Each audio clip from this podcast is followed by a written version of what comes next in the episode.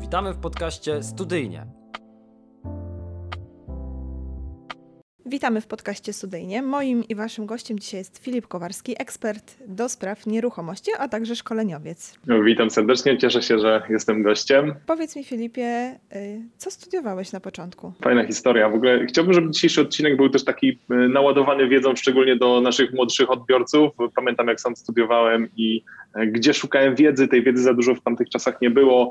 Także chciałbym, żeby dzisiejszy podcast też był taki motywujący i dodający skrzydła osobom, które szukają drogi na siebie.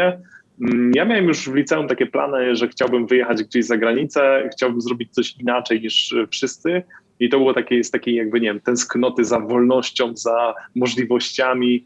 Mm, myślałem na początku o Londynie, ale Londyn był ekstremalnie drogi. Później myśleliśmy z moim partnerem, kolegą z liceum, później wspólnikiem, partnerem, jak to zabrzmiało. Myśleliśmy o Holandii, bo znaleźliśmy jeden z najlepszych uniwersytetów y, holenderskich, jeżeli chodzi o e, informatykę. No tylko okazało się tak na chyba miesiąc przed tym, e, ktoś tam do nas napisał maila, że już się dostaliśmy, że wszystko gra, tylko jedna rzecz ich zastanawia. Czy my mówimy po holendersku? A my co? Myśleliśmy, że to jest jakiś kierunek po angielsku i na miesiąc przed tym, jak mieliśmy już jechać do nich, gdzie się dostaliśmy na ten kierunek, okazało się, że no nie ma szans, bo po holendersku raczej mówić nie będziemy. I wtedy myślałem, że całe te marzenia o wyjeździe e, zostały właśnie spalone, ale rozmawiając z tatą powiedział, że jego znajomy ma syna, który wykłada w Finlandii. I teraz ja o Finlandii nigdy w życiu bym nie pomyślał. Wiecie, minus 30 stopni e, w lecie, w zimie minus 40, plus trzeba wyjechać, plus no takie nie było to na tyle proste. Myślałem, że do Holandii sobie samochodem pojedziemy 10 godzin w jedną stronę, a tutaj trzeba kombinować z samolotem, ewentualnie jeżeli chcemy mieć tam samochód, to promem. No ale dobra, były zapisy, pojechaliśmy, dostaliśmy się na uczelnię i teraz tak szczerze wam powiem tutaj, mam wrażenie, że nam się tak trochę Polakom zawsze wmawiało, że my jesteśmy gorsi, czy że sobie nie poradzimy na arenie międzynarodowej.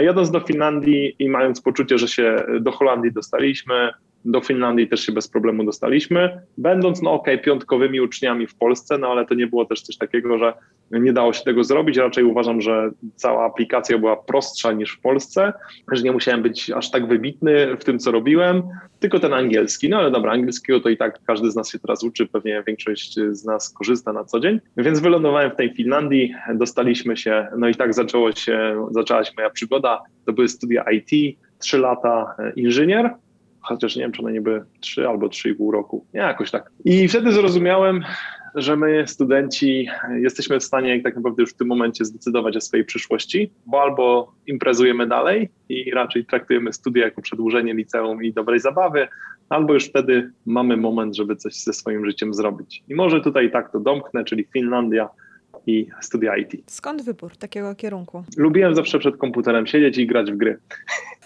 A tak całkiem uczciwie to mm, pamiętam jeszcze z czasów liceum, że kończąc liceum nie miałem zielonego pojęcia, co chcę robić i faktycznie jedyna rzecz, którą sobie pomyślałem, ok, lubię przy komputerze siedzieć, lubię coś tam porobić, jakieś strony internetowe wtedy pierwsze powstawały. Wydawało mi się to ciekawe, więc stwierdziłem, że studia IT mogą być odpowiedzią dla mnie. I w ogóle dla mnie to jest takie śmieszne, że my na tak wczesnym etapie życia musimy decydować w zasadzie o swojej przyszłości, o kierunku studiów, gdzie na przykład znam wiele osób, które po pierwszym roku uświadamiały sobie, że w ogóle te studia albo im są niepotrzebne, albo że zupełnie źle poszli, źle zdecydowali, um, no albo zaczynają rozkręcać swój biznes i myśleć o tym, co mogą zrobić przy okazji, a studia studiami. Więc ja tak akurat poszedłem w tym kierunku, żeby już podczas studiów, już podczas pierwszego roku wymyślić sobie, e, co będę robił, żeby zarabiać pieniądze, nie czekać na piąty rok czy na czwarty rok i po prostu coś zrobić na samym początku. E, I wydaje mi się, że taka tęsknota za tym, żeby być tym przedsiębiorcą, coś zrobić, coś podziałać, coś stworzyć, na czymś zarabiać e, i tu i teraz było na tyle mocne, że miałem wybór albo imprezuję, albo się uczę na jakby 30, minus 30 stopni na dworze nie motywowało do imprezowania, do wychodzenia po knajpach, szczególnie, że w Finlandii jeszcze taksówki, to już w tamtych czasach taksówka do centrum i z powrotem 100 euro, czyli na sam start imprezy w, przy obecnym kursie euro, no to 500 zł, już nie mówiąc o samej imprezie, nie? Więc to było mocno drogie, a autobusy dla nas odpadały, więc część weekendów faktycznie zamiast jechać e, na imprezę czy tam do znajomych, zostawaliśmy z tym moim e, pierwszym wspólnikiem w mieszkaniu, i programowaliśmy. Zdecydowałeś się na studia magisterskie? No bardzo dobre pytanie, mm, bo tak szczerze, jak skończyłem inżyniera, wróciłem do Polski. Poza tym, że fajne przygody były w Finlandii, bo na przykład wymyśliliśmy, że pojedziemy na wymianę studencką do Wiednia, czyli my, Polacy, którzy studiowali w Finlandii, pojechaliśmy na wymianę do Wiednia, głównie dlatego, żeby móc więcej czasu spędzać w Polsce, bo wtedy już nasza firma całkiem fajnie hulała, więc takie kombo e, Finlandia jedzie do Wiednia, a z Wiednia mamy w sumie 4 godziny do Katowic, my byliśmy z Katowic, więc e, tak naprawdę częściowo dojeżdżaliśmy, częściowo gdzieś tam mieszkaliśmy w Wiedniu. E, i to też już pokazało mi jedną rzecz, że kierunek jest fajny, Wiedeń też jest fajnym kierunkiem, dużo bliżej przede wszystkim niż Finlandia, i kończąc inżyniera, my już zarabialiśmy dużo więcej niż prezesi dużych polskich spółek.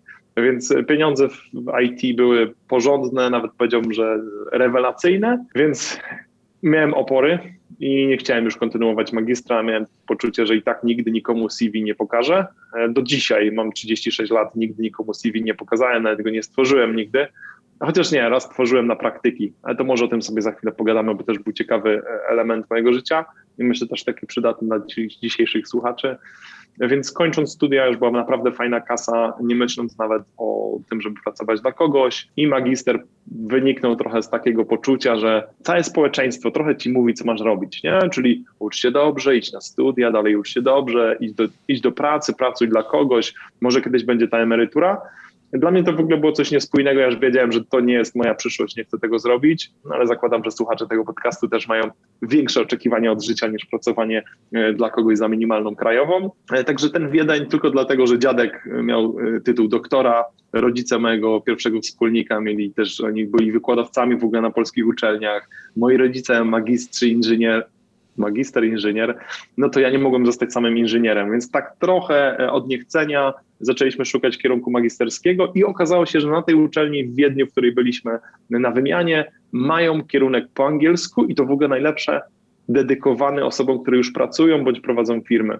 Więc to był kierunek, gdzie my spędzaliśmy dwa, maksymalnie trzy popołudnia na uczelni. Dużo było więcej projektów, takiej pracy, gdzie po prostu większość rzeczy robiło się w tygodniu albo gdzieś tam w weekend, ale sam fakt siedzenia na uczelni, e, czy tam ta konieczność bycia na uczelni, no to były dwa, trzy dni i sobie to policzyliśmy, kupiliśmy wtedy do firmy samochód, żeby po prostu dojeżdżać do Wiednia, a, bo już wtedy też były fajne czasy, mając pieniądze, no to zamiast inwestować, to kupowaliśmy sportowe samochody, które się nie nadawały do tego, żeby jeździć do Wiednia, więc kupiliśmy sobie Forda Focusa w dieslu, dojeżdżaliśmy do Wiednia e, i zamiast tam spać, to wynajmowaliśmy hotel. No i tak cały magister w ciągu dwóch lat został skończony. Czy to była dobra decyzja? Na pewno ciekawy element mojego życia, który tym bardziej utwierdził mnie w tym, że ludzie, z którymi studiowaliśmy, to były po prostu normalne osoby w zasadzie całej Europy i na tle tych osób zero kompleksów. Więc ja też czuję, że takie najważniejsze doświadczenie, które wyniosłem ze studiów zagranicznych, to że jeżeli ktoś wam kiedyś mówi, że jesteście gorsi, bo jesteście z Polski, to dla mnie to jest bzdura. My w większości rzeczy byliśmy po prostu lepsi, bardziej przedsiębiorczy, bardziej kreatywni mm, i to oczywiście też się opowiem jedną szybką historię. Sorry, że tak dużo gadam, ale jak wpadłem w ten cykl, to po prostu na studiach jeszcze w Finlandii mieliśmy do zrobienia praktyki. Po pierwszym roku praktyk, gdzie poszedłem pracować dla kogoś, całkiem spoko te praktyki były, ale wiedziałem, że nie chcę pracować nigdy dla kogoś. E, mój wtedy ten pierwszy wspólnik mm, poszedł pracować w ogóle do takiej firmy, że musiał wstawać o 5 rano, żeby tam dojechać, wracał do domu o 18, więc my z takim powerem wróciliśmy po pierwszym roku y, praktyk, że wiedzieliśmy, że nie chcemy nigdy dla kogoś pracować, bo jesteśmy w stanie dużo lepiej wykorzystać swój czas i kolejne praktyki, bo co roku w Finlandii trzeba było odbyć praktyki, cały semestr, e, to podpisaliśmy sobie nawzajem. Mieliśmy już firmę, więc ja wypisałem praktyki mojemu wspólnikowi, a on wypisał mi. Zanieśliśmy to do rektora i on powiedział, nie no panowie, bez jaj, przecież to nie może tak być, że wy sami wypisaliście krzyżową praktyki, e, ja tego nie akceptuję, nie?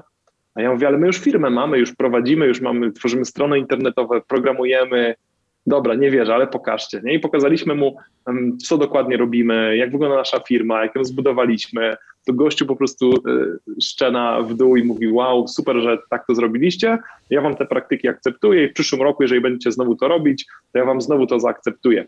I kolejna rzecz z kombinatorstwa też się skończyła tym, że w ostatnim roku już tak trochę nam się nie chciało tam za bardzo siedzieć w Finlandii, więc dogadaliśmy się z nimi, że część rzeczy będziemy robili zdalnie, e, ale przez to, że tak się dogadaliśmy, to jakoś za mało tych kredytów, ECTS-y to się chyba nazywało wtedy, trzeba było mieć tyle przedmiotów, żeby wyrobić kredyty. No i nie wyrobiliśmy kredytów, żeby dokończyć studia. I on mówi, no to co, przyjeżdżacie jeszcze na pół roku? No my nie chcieliśmy w ogóle. Pytamy się, co moglibyśmy dla niego zrobić. No i stworzyliśmy mu taką aplikację do recenzowania prac magisterskich, nie, inżynierskich i w zamian za to jakby zatwierdził nam te 50 kredytów i też to domknęliśmy. Więc my cały czas zadawaliśmy sobie pytanie, może też takie tęsknoty do Polski, wiesz, że my cały czas próbowaliśmy wrócić do Polski, jak najmniej czasu siedzieć w Finlandii, więc kombinowaliśmy i te projekty, i te praktyki, e, i robienie jakichś dodatkowych przedmiotów zdalnych, gdzie się z nauczycielami dogadaliśmy. Więc to kombinatorstwo takie w pozytywnym aspekcie też myślę, że było istotne, żeby te studia skończyć e, z bardzo dobrym wynikiem. Prowadziłeś firmę IT e, już na studiach, a myślałeś już wtedy o nieruchomościach? Nie, nie, zupełnie. Nawet poczułem dzisiaj, że jak mamy e, zacząć rozmawiać o nieruchomościach, to dużo ciekawsze rzeczy robiłem wcześniej, szczególnie dla młodych słuchaczy, niż same nieruchomości, ale o nieruchomościach też może chwilę powiemy, ale nawet nie w takim podejściu inwestycyjnym, co bardziej chciałbym tutaj zaadresować taką przemianę młodego przedsiębiorcy czy studenta, który zaczyna pracować i jest na swoim. Nieruchomości nie było, one były w głowie, bo zawsze kojarzyłem, że nieruchomości to jest fajny kierunek, fajna lokata kapitału, coś, co może zarabiać. To miało niby sens, no tylko, że wiesz, jak ktoś skończy studia w młodym wieku i zarabia 30, 40, 50 tysięcy miesięcznie, no to nie w głowie mu inwestowanie tych pieniędzy, tylko raczej kupowanie drogich zabawek, które no, młodość, tak, rządzi się swoimi prawami, więc zamiast inwestować, no to najpierw samochody, później jakieś wyjazdy, jeździliśmy na tor tymi samochodami, gdzieś tam poznawaliśmy ludzi, e, networkingi, generalnie to był fajny kawał przygody, ale pieniądze, które mieliśmy na nadwyżce, to zamiast inwestować w nieruchomości, to inwestowaliśmy w startupy, w jakieś pomysły naszych znajomych, w różne losowe rzeczy, i z tej perspektywy czuję, że około te lekcje, błędne lekcje kosztowały mnie, myślę, że z milion złotych, mnie prywatnie, e, inwestując w głupie rzeczy. Czyli w jakiś pomysł, który nie miał e, sensu, e, w jakiś startup, gdzie ja od razu wiedziałem, że ja nie będę miał się czasu nim zająć, więc to było trochę takie wrzucenie pieniędzy do worka. I z tej perspektywy też takie, mm, szczególnie ja to u siebie czuję, różne mamy charaktery. Jestem taki trochę ADHD, cały czas coś muszę robić, cały czas coś zmieniać, szukać, kombinować, Płaciłem pieniądze na giełdę, zacząłem grać na giełdzie. Myślałem, że granie na giełdzie to jest inwestowanie. To nie jest inwestowanie, to po prostu był trading, czyli spekulacja. E, straciłem te pieniądze, oczywiście kupiłem drogo, sprzedałem tanio, emocje, nie? I po latach zrozumiałem, że nieruchomości mogą być czymś ciekawym, bo one nauczą mnie i wymuszą na mnie cierpliwość. To było takie dla mnie istotne, że zacząłem robić coś zupełnie innego niż na co dzień w pracy, gdzie IT było takie, że musieliśmy codziennie coś nowego wymyślać, no a nieruchomości były po prostu nudne. Ale ta nuda jednak dla mnie zagrała fajnie. Za co pokochałeś te nieruchomości właściwie? Kiedy to się wydarzyło? No i właśnie dochodzimy do tego, że każdy z nas ma jakieś tam swoje e, mocniejsze strony, które lubi wykorzystywać, ale po pewnym czasie nawet te mocne strony gdzieś go tam mogą znudzić albo zaczyna szukać czegoś odwrotnego. Nie? No właśnie, właśnie. Mamy taką sytuację, w której robiłem to, co mi się wydawało, że kochałem. Podróżowałem dużo po świecie, pracowałem zdalnie, mogłem pracować i nawet ostatnio przeglądałem sobie stare zdjęcia, e, siedziałem na basenie w Kenii, w Tajlandii 9-10 lat temu, więc w czasach, gdzie Polacy raczej podróżowali dalej do Egiptu czy do Tunezji, no to my z żoną sobie ustaliliśmy, że będziemy podróżować tylko w dalekie miejsca, więc byłem w stanie się wyrwać na 3-4 tygodnie. Hawaje, Tajlandia, Filipiny, Indonezja, Seszele, Malediwy, co tam mieliśmy, Karaiby, czyli nie wiem, Dominikana, niech to będzie Meksyk, Ameryka Południowa, Peru, Ameryka Północna, road trip w całym zachodzie, więc generalnie robiliśmy tego naprawdę sporo, a oczywiście jeszcze taki trochę ADHD, więc wszędzie e, nurkowanie, skoki ze spadochronem, jakieś wszystkie możliwe atrakcje, jeżdżenie po wydmach na desce snowboardowej, czyli to, co jakbym miał to teraz przewinąć, to z tego powstaje całkiem fajny film. I byłem gościem, który pracował zdalnie, mając kilku pracowników, um, wspólnika tutaj lokalnie w Polsce. Ja jeździłem, no, y, życie marzenie, tak? Do tego fajna kasa i pełna elastyczność i pełna wolność. No to po cholerę mi te nieruchomości, nie? zupełnie, zupełnie one nie miały sensu, bo w nieruchomościach obiecywano to wolność finansową, a ja już miałem wolność finansową, miałem wolność finansową, życiową, duchową, jaką chciałem. Ale jednak czułem, że gdzieś to wypalenie się pojawiło. 10 lat w IT i wydaje mi się, że to wypalenie się wzięło z tego, że spotkałem na drodze kilka osób i posłuchałem złych rad, gdzie ktoś, kto się wydawał dużo mądrzejszy, z dużo większą kasą, doradzał mi coś, co było spójne z nim, a nie było spójne ze mną. Czyli na przykład siedzimy sobie na takim wyjeździe networkingowym dla, no powiedzmy dla właścicieli firm, gdzie każdy przyjechał swoim samochodem, jakieś Ferrari, e, GTR-y, Porszaki, no i jeździmy sobie po torze, no a wieczorem jest kolacja. No i pada takie pytanie do nas, my byliśmy tam w zasadzie jedyni młodzi, reszta takie E, osoby około 40. I pytają się nas o przychody w naszej firmie. Ja mówię, przychody? Mamy duże zyski, ale przychody mamy małe. Na zasadzie miliona rocznie, z czego 900 tysięcy zostaje w kieszeni. Nie? Eee, to wy jesteście malutcy, my mamy przychody 100 milionów na przykład, nie? bo mam wielką firmę produkcyjną. I ja wtedy zamiast to zakwestionować i powiedzieć, kurde, nie wiem, czy on ma rację, ale spójrz na to z tej perspektywy. My mieliśmy milion, czy ja miałem milion przychodów, 900 tysięcy złotych zysku, on miał 100 milionów przychodów i milion złotych zysku. No to kto miał lepiej? No tak krytycznie patrząc, logicznie myśląc ja, bo miałem dużo mniejsze ryzyko, dużo mniejszą firmę, mniej pracowników, wolność, wyjazdy, ale w tym gronie wszyscy przytaknęli głowami, a ja się poczułem po prostu gorszy. Nie? I czasem dajemy sobie wmówić taką głupotę, i ja później tak miałem ten kompleks. Drugi kompleks, który wyniosłem z podobnego spotkania, to to, że ja nie zatrudniam ludzi, że ja mam trzy czy cztery osoby w zespole, a ktoś ma 50, ktoś ma 100 osób. I jeżeli chcesz mieć poważną firmę, musisz mieć dużą ilość pracowników. I ja zamiast korzystać z tego, co miałem, wróciłem do Polski z jednego wyjazdu, wynajęliśmy biuro, które kosztowało nas 10 tysięcy miesięcznie. Pracowników zatrudniliśmy, leasingi, komputery, biurka, to wszystko. Czyli duża inwestycja w zasadzie po nic, bo oni nie byli ci moi pracownicy po to, żeby rozwiązać jakiś mój problem, tylko na zasadzie trzeba obsadzić stanowiska, bo ja wróciłem z takiego wyjazdu z kompleksem, nie? I teraz to jest takie dla mnie, wiadomo, patrzy się wstecz łatwo, myśli się, że no wiadomo, mogłem to poprawić, mogłem przecież, jak teraz o tym mówię na głos, to mi się to wydaje głupie, że ja coś takiego łyknąłem, ale ja miałem wtedy 25 lat, a ten ktoś miał 40 i dużo więcej doświadczenia, więc ja to po prostu jak młody pelikan e, łyknąłem i przez to do wypalenie się u mnie pojawiło, bo miałem coś, czego nie chciałem. Biuro, dużo pracowników, nowe projekty. A i trzeci kompleks, znaczy ten drugi, w zasadzie ten pierwszy kompleks, czyli te przychody. Poszliśmy zamiast fajne nasze lekkie produkty, które sprzedawaliśmy mm, nie wiem, zwykłym osobom, konsumentom, e, jakieś usługi IT, to zaczęliśmy sprzedawać do dużych firm, a duże firmy, no to zarząd, sekretarka, trzeba się dogadać, trzeba się spotykać, trzeba jeździć, trzeba się po prostu prosić o to, żeby ktoś kupił twoje usługi, i faktycznie przychody mieliśmy ogromne, ale zysków w ogóle to nie podniosło. I przez trzy lata pracowałem nad czymś, czego nie lubiłem, nie chciałem, tylko dlatego, żeby zapełnić jakąś taką dziurę, że jak ktoś znowu się mnie zapyta o przychody, to będę mógł powiedzieć, no teraz mamy 10 milionów, jesteśmy poważną firmą, nie? I zauważyłem, że poszedłem w złym kierunku, ale poszedłem tak daleko w tym złym kierunku, że już absolutnie nie chciałem mieć nic wspólnego z IT. No i zacząłem myśleć o nieruchomościach. Skąd się to wzięło? Wzięło się to z tego, że ktoś z moich znajomych, który też miał firmę IT, raz mi powiedział, że będzie kupował nieruchomości na wynajem, a ja się z niego śmiałem. Po trzech latach się spotkaliśmy i on się mnie zapytał, znaczy ja się tak z przekąsem go zapytałem, jak tam te twoje mieszkanka na wynajem? On mówi, super, mam z tego 30 tysięcy miesięcznie zysku, praktycznie bez kredytów, bo przez ostatnie trzy lata moje zyski z firmy ładowałem w nieruchomości, mam tam kilkanaście mieszkań na wynajem, 30 tysięcy mi z tego zostaje. A ty co robiłeś? No i wtedy uświadomiłem sobie, że moje trzy ostatnie lata to właśnie była ta walka z klientami, których nie lubiłem, walcząc o przychody, o większą liczbę pracowników. I to był ten najgorszy taki dołek mój życiowy.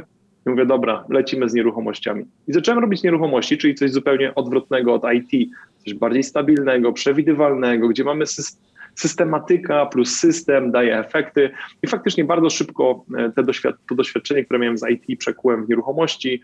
No już po pierwszym roku miałem kilkanaście tysięcy zysku z nieruchomości, po drugim roku miałem kilkadziesiąt tysięcy z nieruchomości, różnego typu mieszkania na wynajem, mieszkania na podnajem, mieszkania wynajmowane na pokoje studentom swoją drogą, bo jako student mieszkałem w pokoju i wiedziałem, że to jest fajny produkt. No, zaczęliśmy handlować nieruchomościami, no i to wszystko jakby na nowo odżyłem, dlatego że znalazłem na nowo swoją pasję w nieruchomościach.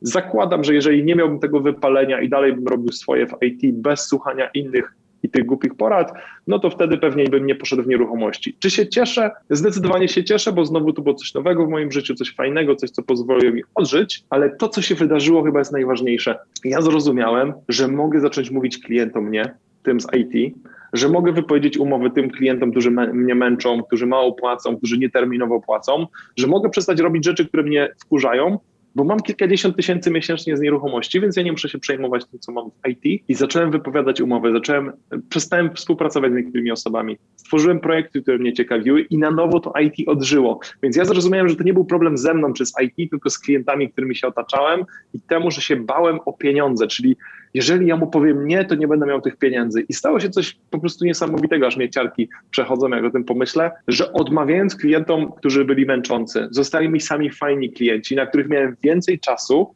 więcej mocy przerobowych, więcej programistów i mogłem dla nich robić więcej rzeczy, co się przełożyło na co? Na to, że oni sami płacili mi więcej, ja zacząłem mniej pracować, więcej zarabiać i cofnąłem się do tego, co faktycznie kochałem na początku IT. I ostatnia myśl, która gdzieś tutaj mi chodzi w tym wątku. Mam wrażenie, że młodzi ludzie w dzisiejszych, w ogóle w ostatnich czasach, czyli od mojej, jak ja byłem na studiach, to jest no, gdzieś 16-17 lat temu, to się wmawia i wkłada się młodych ludzi w taki, w taki schemat, taki szablon. Nie? I ty idziesz na studia marketingowe, gdzie uczą cię jakiś, na przykład marketingowe, rzucam tak, teraz to wymyśliłem, uczą cię rzeczy, które działały 10 lat temu, a w tym momencie młodzi przecież wiedzą, że TikTok to jest najlepsza platforma, że Instagram już odchodzi do lamusa, że Facebook odchodzi do lamusa, że YouTube też mniej działa, bo wszyscy teraz siedzą na TikToku.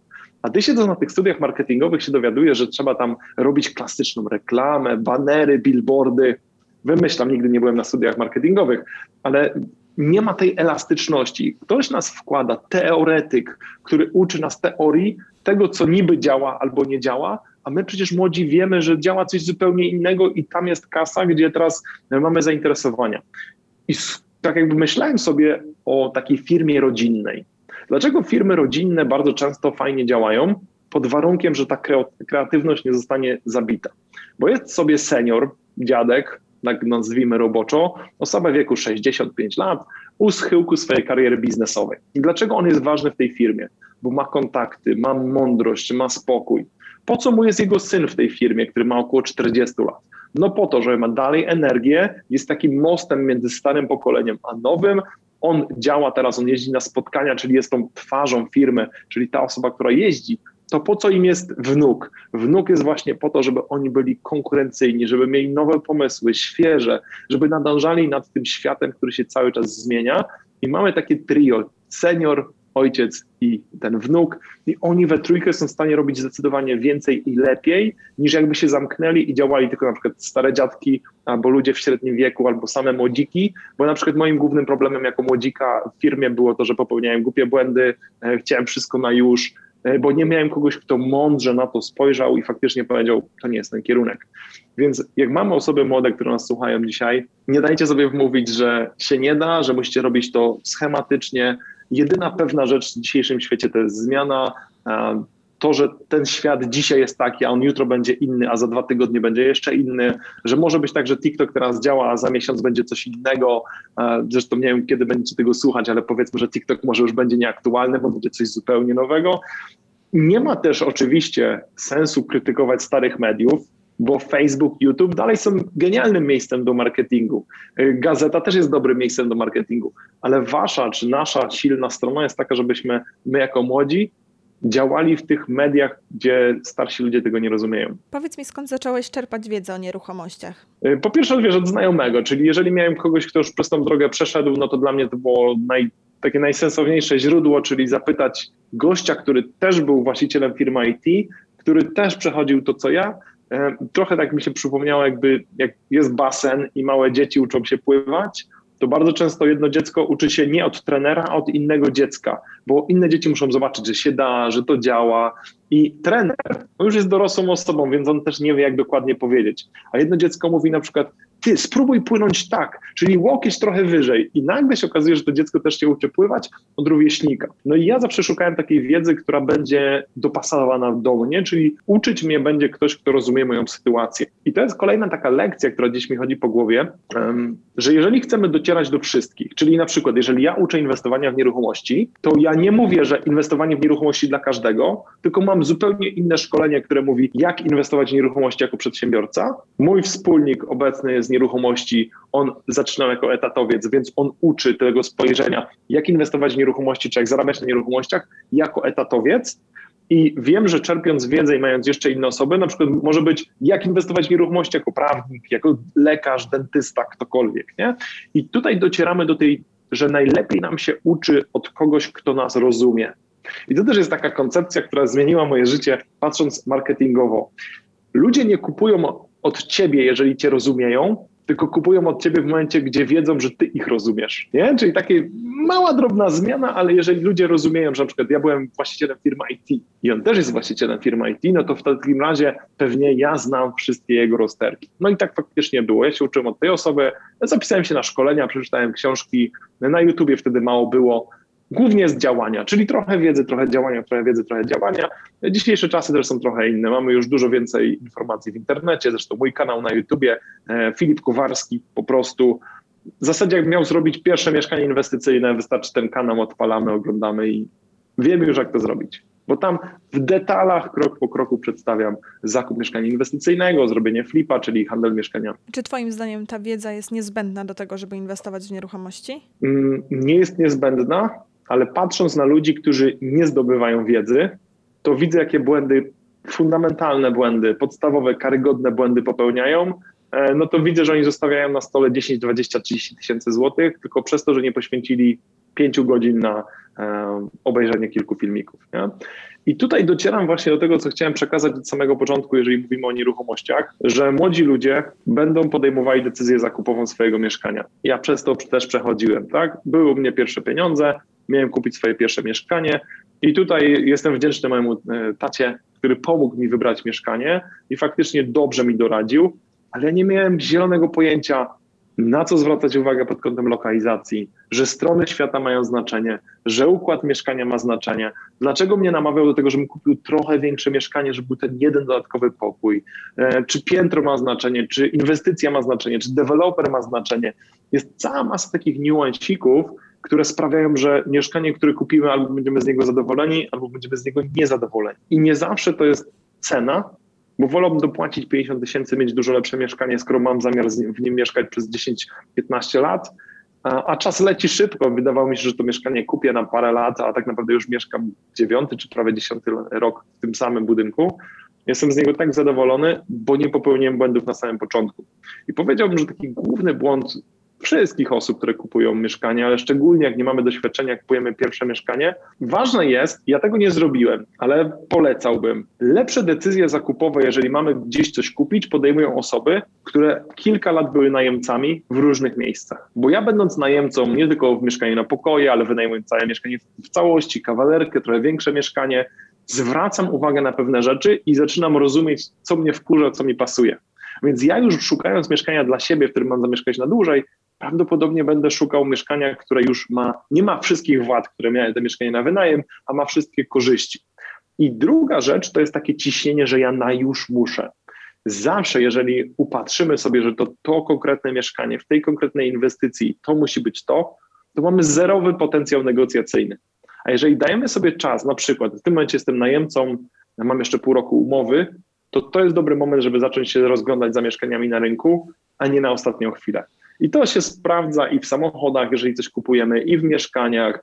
I tak naprawdę ja też byłem w stanie podróżować po świecie sporo, bo byłem elastyczny i odpowiednio wcześnie szukałem biletów. Na przykład ostatnio leciliśmy do Meksyku biznes klasą za 4000 zł od osoby, gdzie normalnie taki lot kosztował około 12. Więc jedną trzecią ceny zapłaciliśmy tylko dlatego, że mi się nie spieszyło, że mógł to być lot za pół roku, byłem elastyczny, jeżeli chodzi o daty i oszczędziłem 8 tysięcy złotych na osobę, no dobra, może nie oszczędziłem, ale leciałem w lepszej klasie, gdzie normalny lot by kosztował 4, a ja zapłaciłem za biznes klasę 4, no a doświadczenie jakby tego lotu biznes klasą warte jest dopłaty zdecydowanie.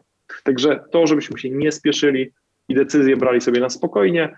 I tutaj też nie bałbym się pytać, no ale znowu mówię do osób, które słuchają podcastów, nie bójcie się pytać osób, które mają większe doświadczenie, rodzice, pod kątem takiego wyboru, bo oni już przeżyli to wszystko, co my przeżyliśmy więc też taka rada od nich może być istotna. Czy w obecnym czasie, e, kiedy nie mamy takiej stabilności gospodarki, jest wiele czynników, które na to wpływa, w ogóle warto inwestować cokolwiek, czy konkretnie w coś? Chciałbym, żeby to było to mniej więcej tak przekazane, jak ja na to spoglądałem, że ja odrzucałem na początku, jako ten e, młody przedsiębiorca, odrzucałem jakiekolwiek formy inwestowania, które były nudne i przewidywalne, czyli na przykład nieruchomości, e, kupowanie indeksu na giełdzie. Ja chciałem pieniądze szybko tu i teraz. Czyli ktoś mi powiedział, że najlepiej by było zrobić, nie wiem, tradować na giełdzie, na przykład, albo teraz krypto, że dorobisz się szybko fajnych pieniędzy. A ja najwięcej pieniędzy w życiu zarobiłem na nudnych rzeczach i na upływie czasu. Czyli po prostu kupiłem mieszkanie na wynajem i się nim wybitnie nie przejmowałem. Mija siódmy rok i to mieszkanie jest ponad dwa razy, jakby kupiłem je za 150, ono jest warte 350. Więc ono ponad 100% urosło na wartości, a jeszcze przez lata zarabiałem miesiąc w miesiąc na tym mieszkaniu. Więc ta inwestycja, włożone 150 tysięcy, dało mi około 300 tysięcy zwrotów po tych wszystkich opłatach, czynszach, wzroście wartości. Jakbym teraz sprzedał to mieszkanie, no to mógłbym zainkasować mm, no, sporą sumkę, tylko dlatego, że dużo czasu upłynęło, ja się nigdzie nie spieszyłem, ale też nie sprzedaję, bo wiem, że takie mieszkanie za 10 lat będzie warte jeszcze pewnie dwa razy tyle. Nie? Więc spójrzmy na inwestycje zawsze z jednej perspektywy i to jest takie niestety smutne, bardzo smutne. Jak zaczynamy się, zaczynamy się wdrażać w myślenie o inwestycjach i przeczytamy książki typu, wymyślam taką najprostszą, ok, Tajemnice pieniądza, Ryszard Jaszczyński. Bardzo fajna książka w przystępny sposób obrazująca, jak działa pieniądz, jak działają środki płatnicze, dlaczego mamy inflację, deflację, stopy procentowe. I to powiem Wam, to się czyta jak najlepszy kryminał, albo Wojna o pieniądz, pięć, pięć serii, pięć tomów, to też się czyta jak najlepszy kryminał. Problem tylko jest taki, że to się dzieje na świecie. I idea jest taka, że pieniądz, w zasadzie środek płatniczy, polski złoty, on zmierza do zera. Dolar zmierza do zera, funt brytyjski zmierza do zera, euro zmierza do zera. Będzie moment, w, w którym jakby sytuacja, w której ten pieniądz nie będzie nic wart. Czyli kiedyś mogłem kupić mieszkanie za 150, teraz je kupuję za 350, to samo mieszkanie. I to też nie wynika z tego, że nagle sentyment na rynku jest lepszy i ludzie chcą przepłacać za mieszkania, tylko że nasz polski złoty tak osłab. On jest po prostu, środek płatniczy jest słaby. Trzymając pieniądze w materacu, te pieniądze tracą na wartości w ekspresowym tempie. Więc lepsza jest taka wizja że mam poduszkę bezpieczeństwa, czyli pieniądze, które mam cały czas u siebie i ich nie wydaję, czyli one niestety tracą na wartości, ale jeżeli potrzebuję zrobić jakiś, nie wiem, gdzieś pojechać, mam jakiś problem finansowy, mam poduszkę bezpieczeństwa, ale ponad to zawsze będą wygrywały inwestycje nudne nad tymi inwestycjami spekulacyjnymi. Fajnie się słucha, że ktoś kupił kryptowaluty i zarobił na nich 100 razy, więcej, że ktoś na giełdzie kupił akcje CD Projektu i one urosły razy 10, to się o tym fajnie gada, bo ludzie lubią emocje, lubią dramę, lubią programy typu dlaczego ja, a nikt się nie będzie jarał tym, że Filip zrobił w ciągu 7 lat 120% na mieszkaniu. Nuda, nie? Tego nikt o tym nie gada. Tylko nikt też nie wspomina, że każdą osobę, która na krypto zrobiła razy 100 czy razy 10, czy na giełdzie, czy na CD Projekcie, że jest 99 osób, które straciły na tą jedną osobę, żeby ona zarobiła. No bo tak działa giełda, żeby ktoś zarobił, to ktoś musi stracić. No w nieruchomościach trochę jest inaczej, bo też możemy dużo wartości dodać od siebie, wyremontować mieszkanie, wynajmować w międzyczasie. Więc ja za każdym razem, jak myślałem, że przechytrzę system, za każdym jednym razem, to znowu wracałem do punktu zero, czyli nudne inwestycje są lepsze. Czy to jest idealny moment, żeby inwestować? Nie. Jeżeli ktoś zadaje sobie pytanie, czy teraz inwestować, a jeszcze nie zrobił nic w tym kierunku, no to moja odpowiedź brzmi, to nie jest dobry moment, bo najlepszy moment na inwestycję jakąkolwiek to jest inwestycja w samego siebie. I ja też znowu przez lata odciągałem tą e, decyzję, ale to, co mamy w głowie, to, co się nauczyliśmy, czego się nauczyliśmy, zostaje na zawsze z nami, nieważne w jakiej sytuacji będziemy. Czyli szkolenia ze sprzedaży, z negocjacji, z budowania lepszych relacji, z wystąpień publicznych, z programowania, z nowych języków programowania. I jak każda sekunda i każda złotówka wydana na upgrade samego siebie, jest to dobrze spędzony czas i dobrze wydane pieniądze, dlatego że jeżeli myślimy o inwestycji, mamy 20 tysięcy, to wolałbym podnieść swoje umiejętności. Jeżeli jestem sprzedawcą, być lepszym sprzedawcą. Jeżeli jestem e, osobą, która chce w życiu lepiej negocjować, szkolenie z negocjacji to się zawsze zwraca. Szkolenie z budowania relacji zawsze się zgadza, z, zwraca. E, szkolenie z naszych umiejętności, które mamy na co dzień, żeby być po prostu na wyższym levelu, pierwsza rzecz, którą bym robił, czyli inwestował w siebie. Jak już mamy, mówimy tutaj o dziesiątkach tysięcy złotych, no to wtedy można, może to jest ten moment, żeby zainteresować się nieruchomościami na przykład, albo indeksami na giełdzie, albo giełdą amerykańską, wtedy kilka książek, kilka filmików na YouTubie. Jak wybieracie sobie jedną rzecz, to nie muszą być nieruchomości, cokolwiek, to na razie skupcie się na tej jednej rzeczy. Ale jeżeli słyszycie o tym, że ktoś wam obiecuje zyski typu 100-200% w ciągu dwóch tygodni, to albo to jest piramida, albo tam raczej stracicie kasę. Więc znowu wracamy do tego, że gdybym nie kombinował indeksy na giełdzie, najprostsze kryptowaluty, najprostsze mieszkania na wynajem, ja bym na tym najwięcej zarobił, bo na tych innych dziwnych rzeczach to ja kasę potraciłem. No i niestety to jest u każdej osoby, która dorabia się dobrych pieniędzy, ona powtarza dokładnie to samo, co ja powtarzam teraz, ale jak mi ktoś starszy mówił takie rzeczy, to ja nigdy nie wiedziałem, która rada jest ważna, a która nie jest ważna. Łyknąłem to, że muszę mieć wysoki przychód, a nie łyknąłem tego, że mam robić proste inwestycje. No tak to się potoczyło. Każdy popełnia swoje błędy. A w co by się zainwestował e, kwoty poniżej 10 tysięcy? No nie, no to już w siebie.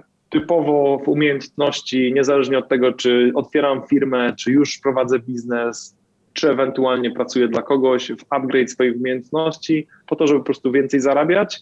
I wydaje mi się, że szkolenia, relacje, sprzedaż i negocjacje to są zawsze topowe szkolenia, no bo my zawsze sprzedajemy i zawsze negocjujemy, nie tylko w firmie, ale z mężem, z żoną, z dziewczyną, z chłopakiem, z rodzicami, z dzieckiem, więc my i tak cały czas będziemy to wykorzystywali, a na takich szkoleniach negocjacyjno-sprzedażowych bardzo często otwiera się klapka w głowie, że w ogóle da się to zrobić, więc takie małe kwoty w coś takiego. Większe kwoty y, z tego, co kojarzę, ludzie często wydają na przykład na garaże, kupują jakiś garaż na wynajem, Pytanie, czy chciałbym, nie? Bo to jest znowu tak, że masz garaż za 30-40 tysięcy złotych, który zarabia ci kilkaset złotych miesięcznie, ale gdzieś z tyłu głowy masz to, że musisz ten garaż obsłużyć, jakąś umowę musisz podpisać, ale jako prosta inwestycja na start mogłoby to być to.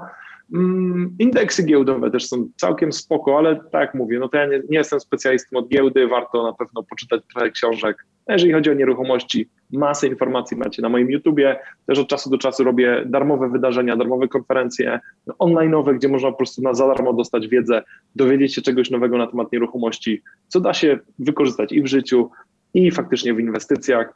Myślę, że to jest najlepszy krok, że jeżeli komuś się w ogóle pojawia myśl o inwestowaniu, żeby raczej pójść w te sprawdzone rzeczy i poczekać aż czas upłynie. A skoro jesteście młodzi, już o tym myślicie, no to, to jest dobry moment. Jakie masz plany na przyszłość? No, ja, szczerze, mm, od dłuższego czasu ciągle powtarzam sobie kilka takich y, fraz. Może ktoś coś z tego wyciągnie. I nie powiedziałbym, że to jest konkretnie jakiś plan jeden do jeden, ale mniej zależy mi na pieniądzach, a na wolnym czasie, czyli na możliwości decydowania o samym sobie. I to nas, jakby dlaczego o tym myślę, dlaczego sobie cały czas to przypominam, bo zauważyłem, że w moim życiu bardzo często próbowałem złapać kilka srok za ogon, a kończyło się to tym, że robiłem 10 różnych projektów z 10 różnymi osobami i co wychodziło z tych projektów? Nic, bo na żaden nie miałem czasu. Więc teraz mówię sobie, wolę powiedzieć wiele razy nie i stracić okazję, niż brać wszystko i też z tego nic nie wychodzi, a jestem wiecznie przepracowany. Więc zadaję sobie pytanie, czy w tą współpracę chcę wejść, czy taki projekt chcę robić, czy on jest spójny z tym, że będę miał więcej czasu, czy więcej pieniędzy i więcej roboty i zmartwień. Nie chcę zmartwień. Druga rzecz, o której myślę sobie, jeżeli coś robię, jeżeli jest to wystarczająco dobre, żeby to robić, to jest to wystarczająco dobre, żeby robić to dobrze. I to też jest takie, no jakby, no zgodziłem się na ten projekt, to już go odbębnię, nie? No nie, jeżeli się zgodziłem i było tak, no to robię to najlepiej jak potrafię, żeby później nie było czegoś takiego, że taki projekt zrobię z kimś i ktoś później sobie myśli, że jestem jednak no, słaby, nie? Więc jeżeli ja już powiedziałem tak, to robię to super, ale w pierwszej kolejności mówię nie i naprawdę mocno trzeba mnie przekonać, żeby w ogóle coś z tym zrobić. I trzecia rzecz, która dodaje mi trochę skrzydeł, chociaż jest dzika, dziwna, nietypowa. Bardzo fajnie napisał Ray Dalio w swojej książce Miliarder, nie, majątek na poziomie 50 miliardów dolarów, więc myślę, że wie o czym mówi. Powiedział coś takiego, ja jako miliarder na tej ziemi żyję przez 100 lat. Człowiek jest na tej ziemi powiedzmy tam setki tysięcy lat, ale powiedzmy, że ten nowy człowiek jest od kilku tysięcy lat i pewnie po mnie jeszcze będzie e, setki pokoleń, e, setki tysiące, tysiące, miliony ludzi, miliardy ludzi, a my jesteśmy tylko jedną planetą, która lata sobie w galaktyce, która jest nieskończenie wielka, to czy to, co ja robię w tym momencie, czy moje problemy, czy moje wyzwania mają jakiekolwiek znaczenie? Nie, po prostu chcę przeżyć życie, doświadczyć, potestować, robić fajne rzeczy z fajnymi ludźmi, bo i tak to, co robimy na, na koniec dnia, jak umrzemy, nie będzie miało znaczenia i nasze problemy też nie będą miały znaczenia, więc skupmy się na tym, żeby być zadowolonym z każdego dnia. I to jest taka kolejna rzecz, która też mi e, tutaj przyśpiewa każdemu dniu, a zobaczymy, co z tego wyjdzie. Raczej zakładam, że chciałbym podróżować, cieszyć się życiem i w międzyczasie robić fajne rzeczy z fajnymi ludźmi i nie za dużo czasu na to poświęcać. Każdego gościa pytamy o to, jak e, spędza e, wolny czas w formie relaksu. Czy jesteś w stanie polecić coś dla naszych słuchaczy, żeby przez 15 minut każdego dnia mógł się poczuć lepiej, odprężyć się, zrelaksować? Zacznę od tego, że to jest mój główny problem i myślę, że osoby takie trochę ADHD jak ja powiem ci coś totalnie nietypowego i nie wiem, czy to będzie 15 minut dziennie, ale powiedziałbym, że zrozumienie samego siebie często już jest wystarczająco relaksujące, bo zaczynamy rozumieć, dlaczego robimy pewne rzeczy, które robimy. Jest taki test, on się nazywa DISC, D-I-S-C. Testów jest sporo, ale akurat DISC podoba mi się najbardziej, bo jest bardzo prosty i wydaje mi się, że bardzo dobrze definiuje pewnych, pewne, ogólnie charaktery ludzi. E, I disk jest znany albo z kolorów, czyli czerwony, zielony, niebieski i żółty, albo właśnie dy i sycy, czyli osoby dominujące, osoby influential, czyli do ludzi, osoby przewidywalne i osoby analityczne. E, jest fajna książka Otoczeni przez idiotów, cała seria tych książek, dość dobrze napisane. I zrozumienie tego, że ja jestem nerwowy, narwany i lubię spędzać czas z ludźmi, sprawiło, że ja po prostu zaczynam rozumieć siebie lepiej i trochę pracuję nad tym, żeby nie być nerwowym, narwanym, ale jeżeli ja wiem, że ja odpoczywam idąc na siłownię, robiąc coś i spotykając się z ludźmi, to dla mnie weekend, gdzie siedzę przed telewizorem, to jest masakra. Ale są ludzie, którzy muszą odpocząć, nie robić nic, nie spotykać się z nikim, żeby odpocząć. Więc patrząc na te cztery osobowości, każdy odpoczywa inaczej. D odpoczywa robiąc coś, I odpoczywa wśród ludzi, S odpoczywa, teraz nie pamiętam, bo nie jestem S-em, ale chyba nie robiąc nic, a C odpoczywa samemu. Więc teraz zmiksujmy to e, i wybierzmy sobie to, co nas odpręża najbardziej. Więc dla mnie weekend w formule siedzę przed telewizorem i nie robię nic, to brzmi jak najgorszy weekend. I to robię dla relaksu. Rozumiem siebie i tak spędzam swój czas, żeby dopasować się do swojego charakteru. Czy chciałbyś coś jeszcze powiedzieć naszym słuchaczom na zakończenie? Tak, gratuluję, że dobrnęliście do samego końca. Szanuję osoby, które jak zaczną, to dokończą, bo nie każdy ma tą umiejętność. Mam nadzieję, że spodobało Wam się to, co mówiłem e, i starałem się faktycznie dopasować do tego, kto jest moim słuchaczem. I taką radę mam dla Was. E, mówiąc o sobie, nie zdobywamy serc, raczej staramy się słuchać innych osób, bo te osoby wysłuchane będą, one po takiej rozmowie z tobą, gdzie więcej mówią, powiedzą, ale ty jesteś super mówcą, nie? Albo super się z tobą gada. Więc wysłuchać ludzi, każdy człowiek na koniec dnia chce się czuć ważny, więc dowartościujmy, przybijmy piąteczkę, pochwalmy za coś. Takie fajne życie naokoło będzie nam zdecydowanie lepiej płynęło. Także zachęcam do tego, żeby jednak w tych relacjach międzyludzkich pochwalić za wszystko, być zadowolonym człowiekiem, bo wtedy sami jesteśmy szczęśliwsi. No jak dotrwaliście do końca, to mam nadzieję, że ta rada też Wam się spodoba. Dziękuję Ci pięknie za rozmowę. Moim i Waszym gościem był dzisiaj Filip Kowarski. Dzięki, cześć.